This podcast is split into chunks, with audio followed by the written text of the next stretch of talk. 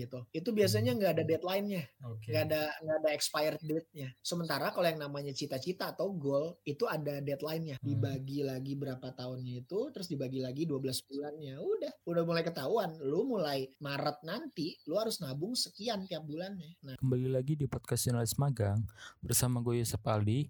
Nah, setelah kemarin gue udah ngomongin soal saham di episode sebelumnya, di pembahasan selanjutnya ini, gue bakal ngomongin nih soal perencanaan keuangan. Tapi, sebelum kita masuk ke pembahasannya, gue mau kasih informasi sedikit dari konten.co.id soal kesadaran masyarakat yang ternyata masih rendah hasil riset yang dilakukan oleh Gobir Financial Index atau FHI mengenai survei keuangan di sejumlah negara di Asia Tenggara menunjukkan bahwa kesadaran masyarakat Indonesia soal perencanaan keuangan itu ternyata masih rendah. Dan fakta menariknya adalah kebanyakan masyarakat di Indonesia itu bahkan belum melakukan perencanaan keuangan di usia 35 tahun. Tapi mereka baru sadar di usia mereka yang sekitaran 41 tahun baru memulai melakukan perencanaan keuangan untuk dana pensiun. Emang alasannya kenapa sih? Karena masyarakat menganggap bahwa keuangan mereka itu sudah aman. Tetapi, anggapan itu hanya 37% dari mereka yang sudah memiliki dana untuk kebutuhan hidupnya selama 6 bulan ke depan kalau mereka kehilangan pendapatan utamanya. Oke, dari informasi yang gue bacain barusan, apakah kalian termaksud dalam 63%-nya? Nah, supaya kita lebih sadar soal ngerencanain keuangan, gue bakal ajak pendengar sekalian buat memahami yang namanya perencanaan keuangan lebih dalam dan apa aja sih yang perlu disiapkan untuk memulai. Gue sekarang bersama Bang Servo Avo. Oke, kita kenalan dulu nih dengan seorang Servo Avo. Siapa sih dia? Dia ini adalah seorang financial planner dan juga seorang pengajar di salah satu kampus yang ada di Tangerang. Oke, langsung aja kita mulai obrolannya. Gimana sih cara kita nih anak-anak muda yang sebenarnya untuk mengubah stigma bahwa bahwa kalau kita itu dikasih duit jajan itu nggak cuma numpang lewat tuh, mm-mm. kayak komponen apa aja yang perlu diperhatikan. Pertama sih kalau buat teman-teman mahasiswa ya, teman-teman mahasiswa atau first jobbers gitu kan yang baru baru memulai karir lah ya di di industri. Hmm. Always start with why. Kalian set tujuan kalian dulu apa, ya kan? Set dulu ujungnya, end game-nya apa nih. Baru nanti ditarik mundur ke belakang. Dan kalian harus punya alasan yang kuat kenapa tujuan itu harus tercapai. Oke. Jadi di sini di sini simply gue cuman ngebagi jadi dua. Ada perbedaan antara impian sama sama goal atau cita-cita. Oke. Perbedaan pertama, kalau impian itu bisa seliar apa pun, bisa se-freestyle apa pun, bebas. Oke. Tapi kalau cita-cita atau goal itu harus terwujud. Nah, minimal teman-teman dengan pemahaman yang kayak gitu bisa mulai milah-milah kan mana yang oh iya ini sih fantasi gue aja nih. Oh kalau ini kayaknya emang harus goal nih. Perbedaan yang kedua, yang namanya impian atau apa fantasi ya gitu. Itu biasanya nggak ada deadline-nya, nggak ada nggak ada expired date-nya. Sementara kalau yang namanya cita-cita atau goal itu ada deadline-nya. Tahun Oke. ini misalnya atau November nanti harus di lock tuh timelinenya gitu. Kalau nggak punya itunya ya berarti itu bukan goal atau cita-cita. Karena goal atau cita-cita itu biasanya ada timelinenya, ada deadline-nya. Hmm. Itu perbedaan yang kedua. Perbedaan yang ketiga, yang namanya impian,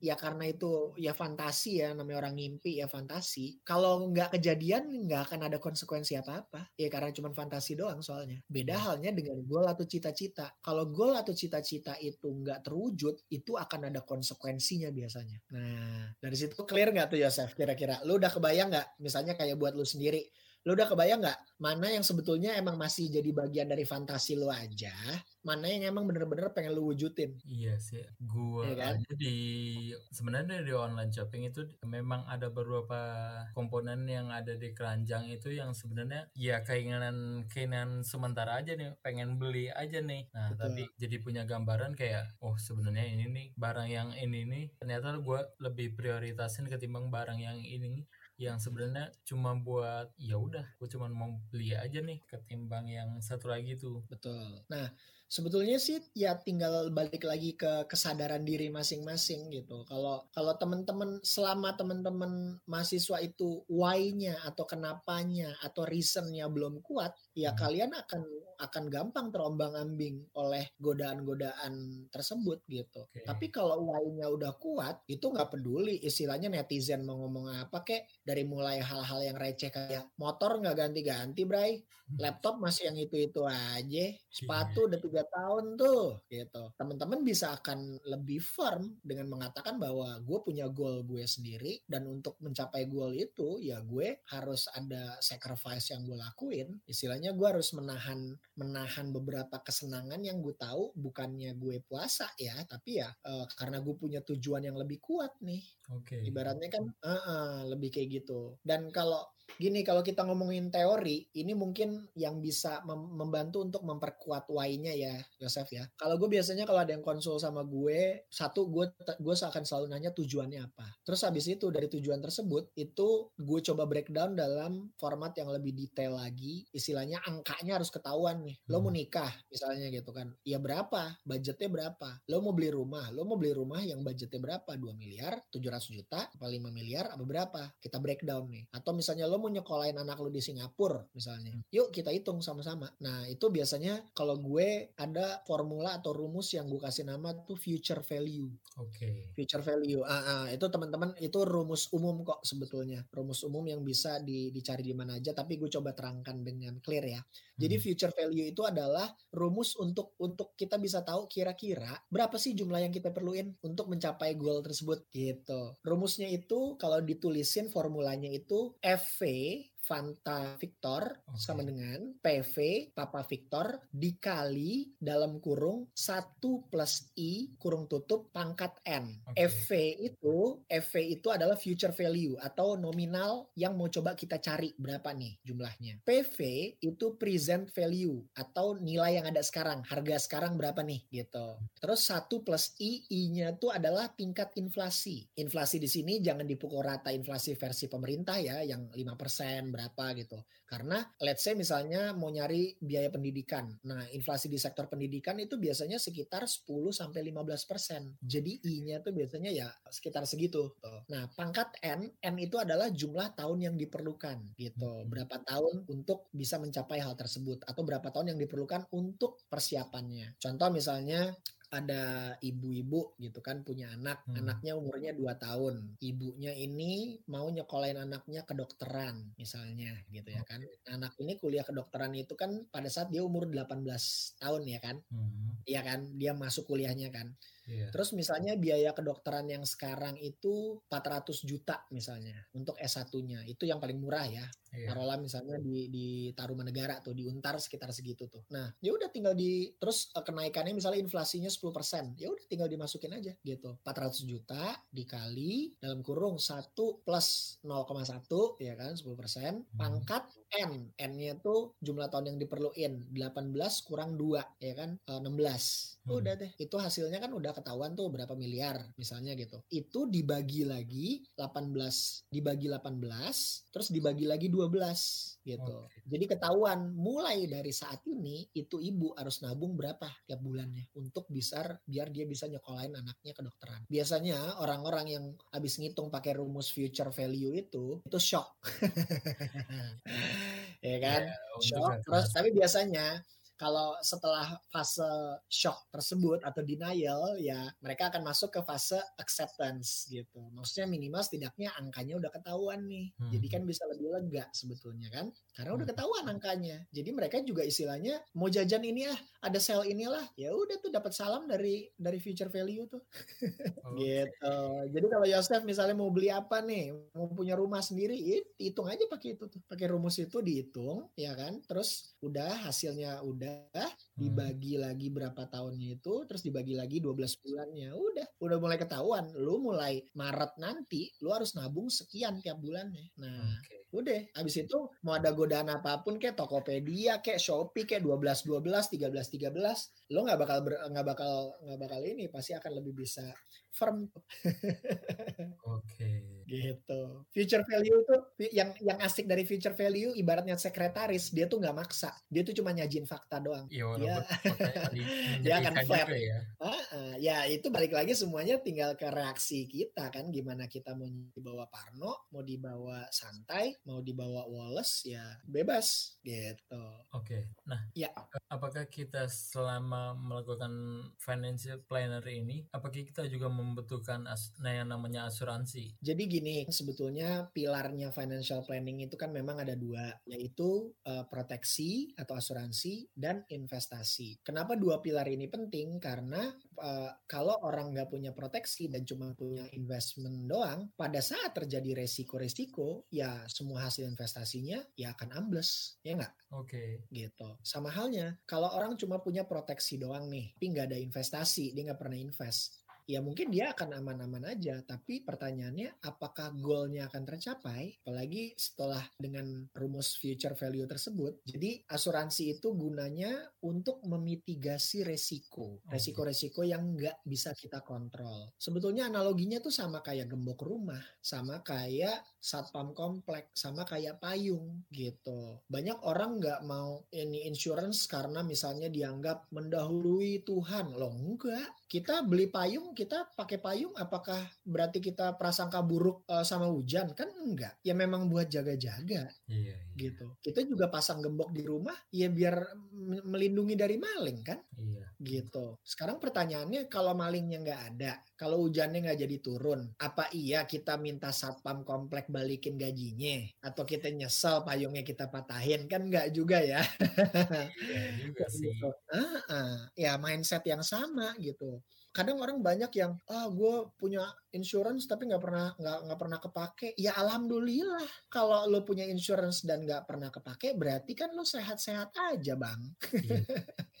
Dan begitu sakit, ya alhamdulillah juga karena lo punya insurance. Karena kalau lo nggak punya insurance, dana darurat lo kegerus, aset lo kegerus, kudu jual laptop, kudu jual iMac, kudu gadein motor, gadein gelang emas, jual rumah bahkan bisa. Oke. Apalagi kalau kita bicara masalah biaya rawat inap, istilahnya tiga hari aja di ICU, itu udah bisa kebeli mobil satu sih bang. Pertanyaannya kan cuman ada nggak duitnya gitu. Kalau nggak ada ya udah lebih baik menyisihkan sebagian dari penghasilan bulanan kita untuk bisa dapat perlindungan yang maksimal gitu. Apalagi kalau buat teman-teman mahasiswa ya atau teman-teman fresh jobber gitu. Kalau memang udah punya BPJS pertahankan itu lapisan paling utama ya paling basic lah gitu. Tapi kalau misalnya nanti udah mulai kerja ya kan udah udah dapat gajian lah gitu udah bisa punya gaji sendiri sisihin aja maksimal 10% deh dari dari income jadi misalnya kalau gaji pertama misalnya amin amin gitu di 5 juta Hmm. kartu rumah sakit itu banyak kok yang 500 ribu udah jos Oke. gitu apalagi karena masih muda preminya juga biasanya akan jauh lebih murah makin bertambahnya usia premi akan makin mahal gitu dan balik lagi namanya penyakit nggak ada yang tahu Bray apalagi kayak pandemi sekarang udah 39 ribu orang yang meninggal Hmm. Kebayang nggak kalau yang meninggal itu kepala keluarga atau pencari nafkah? Kira apa kabarnya tuh keluarga yang ditinggalin? Dan kalau yang meninggal itu dia ninggalin hutang, bukan ninggalin harta atau apa warisan berlimpah. Kebayang nggak keluarga yang ditinggalin bakal terjun bebas nggak ekonominya? Di situlah asuransi bisa berfungsi sebagai penyelamat minimal setidaknya kalau memang umur kita udah dicukupin sama si bos, ya kita bisa ada legacy lah, nggak nyusahin orang, kita apa bisa ada pegangan lah buat keluarga yang kita tinggalkan. Kan kita juga nggak mau ya tutup usia ninggalin keluarga disumpahin, apalagi kalau ninggalin utang. gitu. Iya. Jadi sebetulnya insurance sendiri itu bukan hal yang luar biasa kalau menurut gue. Itu hal basic aja sih. Kita jadi bisa punya gambaran yang lebih luas dari berbagai perspektif. Minimal untuk orang-orang yang belum atau masih awam terhadap insurance bisa punya pemaparan yang clean, yang objektif. Dan buat orang-orang yang pernah punya pengalaman buruk tentang insurance, itu juga bisa terobati traumanya, terobati sebel-sebelnya atau sakit hatinya mungkin. Karena balik lagi, dari 265 juta jiwa penduduk Indonesia yang punya polis insurance itu nggak nyampe 2%. Kebayang nggak loh? Hmm. Kalau ada hubungannya sama ekonomi, gimana kita mau maju taraf hidupnya kalau orang-orang masih pada kegerus duit tabungannya sama resiko-resiko yang terjadi. Istilah kasarnya gimana mau sugih, tiap lo nabung dikit sakit kegerus ya kan lagi ada sayjopan lumayanan eh besoknya tipes atau DBD Iya. gitu. Kalau terjadi resiko ente-ente istilahnya lau-lau nih teman-teman mahasiswa udah punya udah nyiapin duit belum gitu, udah nyiapin dana yang cukup belum? Kalau belum ya mendingan start dari sekarang. Sisihin sebagian kecil aja dari penghasilan atau misalnya kalau udah punya uang jajan gitu ya nabung, sisihin aja minimal punya kartu rumah sakit deh. Nggak usah buru-buru punya Jiwa ya atau uang pertanggungan jiwa untuk waris. Toh kalian kan belum jadi uh, kepala keluarga atau pencari nafkah kan, statusnya juga masih family member. Minimal kartu kesehatan aja, kartu rumah sakit aja. Jadi kalau ada resiko-resiko minimal nggak nyusahin orang tua deh. gitu. Karena kebayang dong gitu. The things that I want to emphasize is kita harus harus uh, broaden up our uh, image nih gitu. Hmm. Teman-teman mumpung masih muda harus harus bisa luas banget nih ngelihat possibility possibility yang ada. Tentu semuanya nggak akan berjalan dengan mudah. Kayak di insurance sendiri, resiko-resiko seperti penolakan akan terus ada. Agent-agent insurance yang sukses bukan berarti uh, keba apa uh, imun udah pasti auto diterima, ya enggak, pasti masih ditolak juga. Mumpung teman-teman masih muda, yuk geber semuanya. Semua opsi yang ada cobain aja semuanya gitu. Yang penting teman-teman why-nya harus kuat gitu. Kalau why-nya udah kuat, how-nya kebayang kebayang kok. Oke. Okay. Gimananya tuh visible gitu. Bisa punya why yang kuat ya tuh. Jadi ketika why-nya tuh nya pasti visible kok. Oke. Okay. Nah, apa aja sih faktor yang bisa disimpulkan seseorang atau anak muda kalau apa yang udah dia apa yang udah bersiapkan itu sebenarnya udah cukup nih. Karena kan mikirnya pasti kayak wah gue udah ngumpulin segini nih. Gue ya udah lo foya-foya aja lah. Kan udah ada duit ini nih. Nah, sebenarnya apa aja sih faktor-faktor yang membuat seseorang itu dianggap sudah mencapai bebas finansial itu sendiri. Oke, okay. kalau mau dilihat dari pengertian simpelnya sih lebih ke ya seseorang mungkin bisa dikatakan udah mencapai financial freedom atau mencapai kebebasan finansial ketika seluruh biaya hidupnya itu sudah bisa tercukupi dan dia tidak perlu lagi khawatir soal hal tersebut karena meskipun dia decide untuk berhenti berproduksi atau bekerja, uang tersebut akan terus masuk ke rekeningnya. Oke. Okay. Itu pengertian itu pengertian sederhananya. Contoh misalnya kalau di Indonesia mungkin istilahnya angka angka 4 miliar atau angka 5 miliar itu biasanya jadi angka keramat. Hmm. Angka yang selalu istilahnya lo kalau mau bebas finansial, lo harus punya duit 5 miliar. Kenapa? Karena ketika duit 5 miliar itu misalnya lo punya lo bisa mencapai duit 5 miliar uh, lo bisa punya duit 5 miliar. 5 miliar itu dimasukin ke deposito ya kan? Dengan asumsi returnnya sekitar 4 sampai 6 persen aja lo istilahnya per bulan itu udah bisa dapat sekitar 20 sampai 25 jutaan. Ya istilahnya buat buat kita hidup sampai 2045 nanti gitu kan sampai Indonesia merdeka 100 tahun atau sepertinya berapa puluh tahun dari sekarang angka 20 juta atau angka 25 juta itu masih termasuk gede sih ya nggak sih? Lo yeah. lo bisa hidup layak lah istilahnya di Jakarta Gotham City ini layak lah gitu. Apartemen kayak atau atau kos-kosan yang lumayan high end kayak gitu ya lo masih bisa hidup dengan sangat layak lah istilahnya lo udah nggak usah kerja lagi nih lo makan makan imbal hasilnya doang tinggal terima returnnya aja dari deposito tersebut nah yang jadi pertanyaannya kan ya what what would you do biar lo bisa dapat biar, biar lo bisa mencapai 5M tersebut. Uh-huh. Itu yang bisa dijadiin why-nya, ya kan? Tapi balik lagi tiap orang kan pasti kebutuhannya beda-beda. Iya. Ya kan? Tiap orang pasti punya tujuan yang beda-beda. Ada yang tujuannya pengen keliling dunia, yang ya nggak cukup kalau cuma 25 juta. Karena kelilingnya mau ke negara-negara yang eksotik gitu kan. Uh-huh. Uh, Mozambik gitu kan atau Karibia gitu-gitu ya kan. Pasti kurang lah 25 juta gitu ya kan. Nah, yeah. itu tinggal dibalikin lagi ke, ke tujuannya masing-masing tiap orang tuh apa gitu. Jadi kalau mau ngomongin bebas finansial ya hitungnya gitu aja sih. Lo mau punya penghasilan berapa per bulannya ya kan. Yang hmm. itu penghasilan tersebut bisa terus mengalir ke rekening lo walaupun lo udah berhenti kerja gitu. Okay. Jadi istilahnya passive income lo tuh udah udah dari pasif income lu doang itu udah bisa mencukupi kebutuhan harian atau bulanan lu. Itu barulah lu layak dan bisa disebut bebas secara finansial. Oke. Gitu. Nah, setelah kita membicarakan tentang bagaimana cara mendapatkan dan mengelola, nah gimana sih pertanyaannya itu bagaimana cara mempertahankan uang itu karena ya kita nggak bisa pungkiri nih bahwa kita ada Yes, aja goda- Hah? godaan-godaan di sekitar kayak Hah? contohnya notifikasi promo di all shop atau ajakan teman-teman buat hangout nih di luar Mm-mm. itu gimana sih cara kita mempertahankan apa yang sudah kita dapat, apa yang sudah kita kelola? Kalau ya kalau menurut gue sih why-nya udah kuat atau belum. Kalau why-nya udah kuat ya mau ada godaan apa pun di kiri kanan kita akan stay gitu. Jadi istilahnya ya balik lagi kalau tujuan kita tuh emang udah solid dan kita komit ya dengan sendirinya kita juga pasti akan kuat sama godaan-godaan. Yang jelas gini, pada saat kita bekerja keras bukan berarti kita juga harus suffer ya, berakit-rakit dahulu, bersenang-senang kemudian. Yang nggak harus ekstrim juga. Kita tetap bisa senang-senang, kita tetap berhak untuk senang-senang, minimal menikmati hasil kita. Oke. Tapi yang harus disadari adalah alokasi senang-senangnya itu seberapa. Karena semua kan harus dialokasiin. Contoh paling simpel, kalau lo mau ngutang, kalau lo mau nyicil, pastiin cicilan tuh maksimal 30% dari income lo. Oke. Kenapa? Karena kalau di atas 30% ya udah ngaco tuh cash flow lo pasti berantakan. Jadi harus sadar diri tuh. Kalau mau nyicil, oh mau beli ini nih po, soalnya emang ini banget cicilannya lagi murah atau apa. Ya udah hitung cicilannya 30% nggak maksimal. Kalau cicilannya aja udah di, di atas 30% lo berantakan nanti lo gali lubang tutup lubang dan lo akan terjebak di di loophole, di looping yang sama.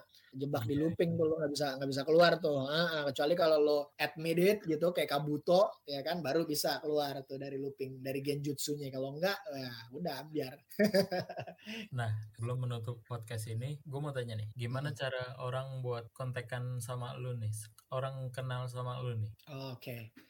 Eh, ya buat teman-teman kalau ada yang mau ngobrol diskusi soal financial planning, soal insurance, soal investment dan lain-lain, ya tinggal DM gue aja, eh, DM Instagram gue aja di @servoavo ya kan.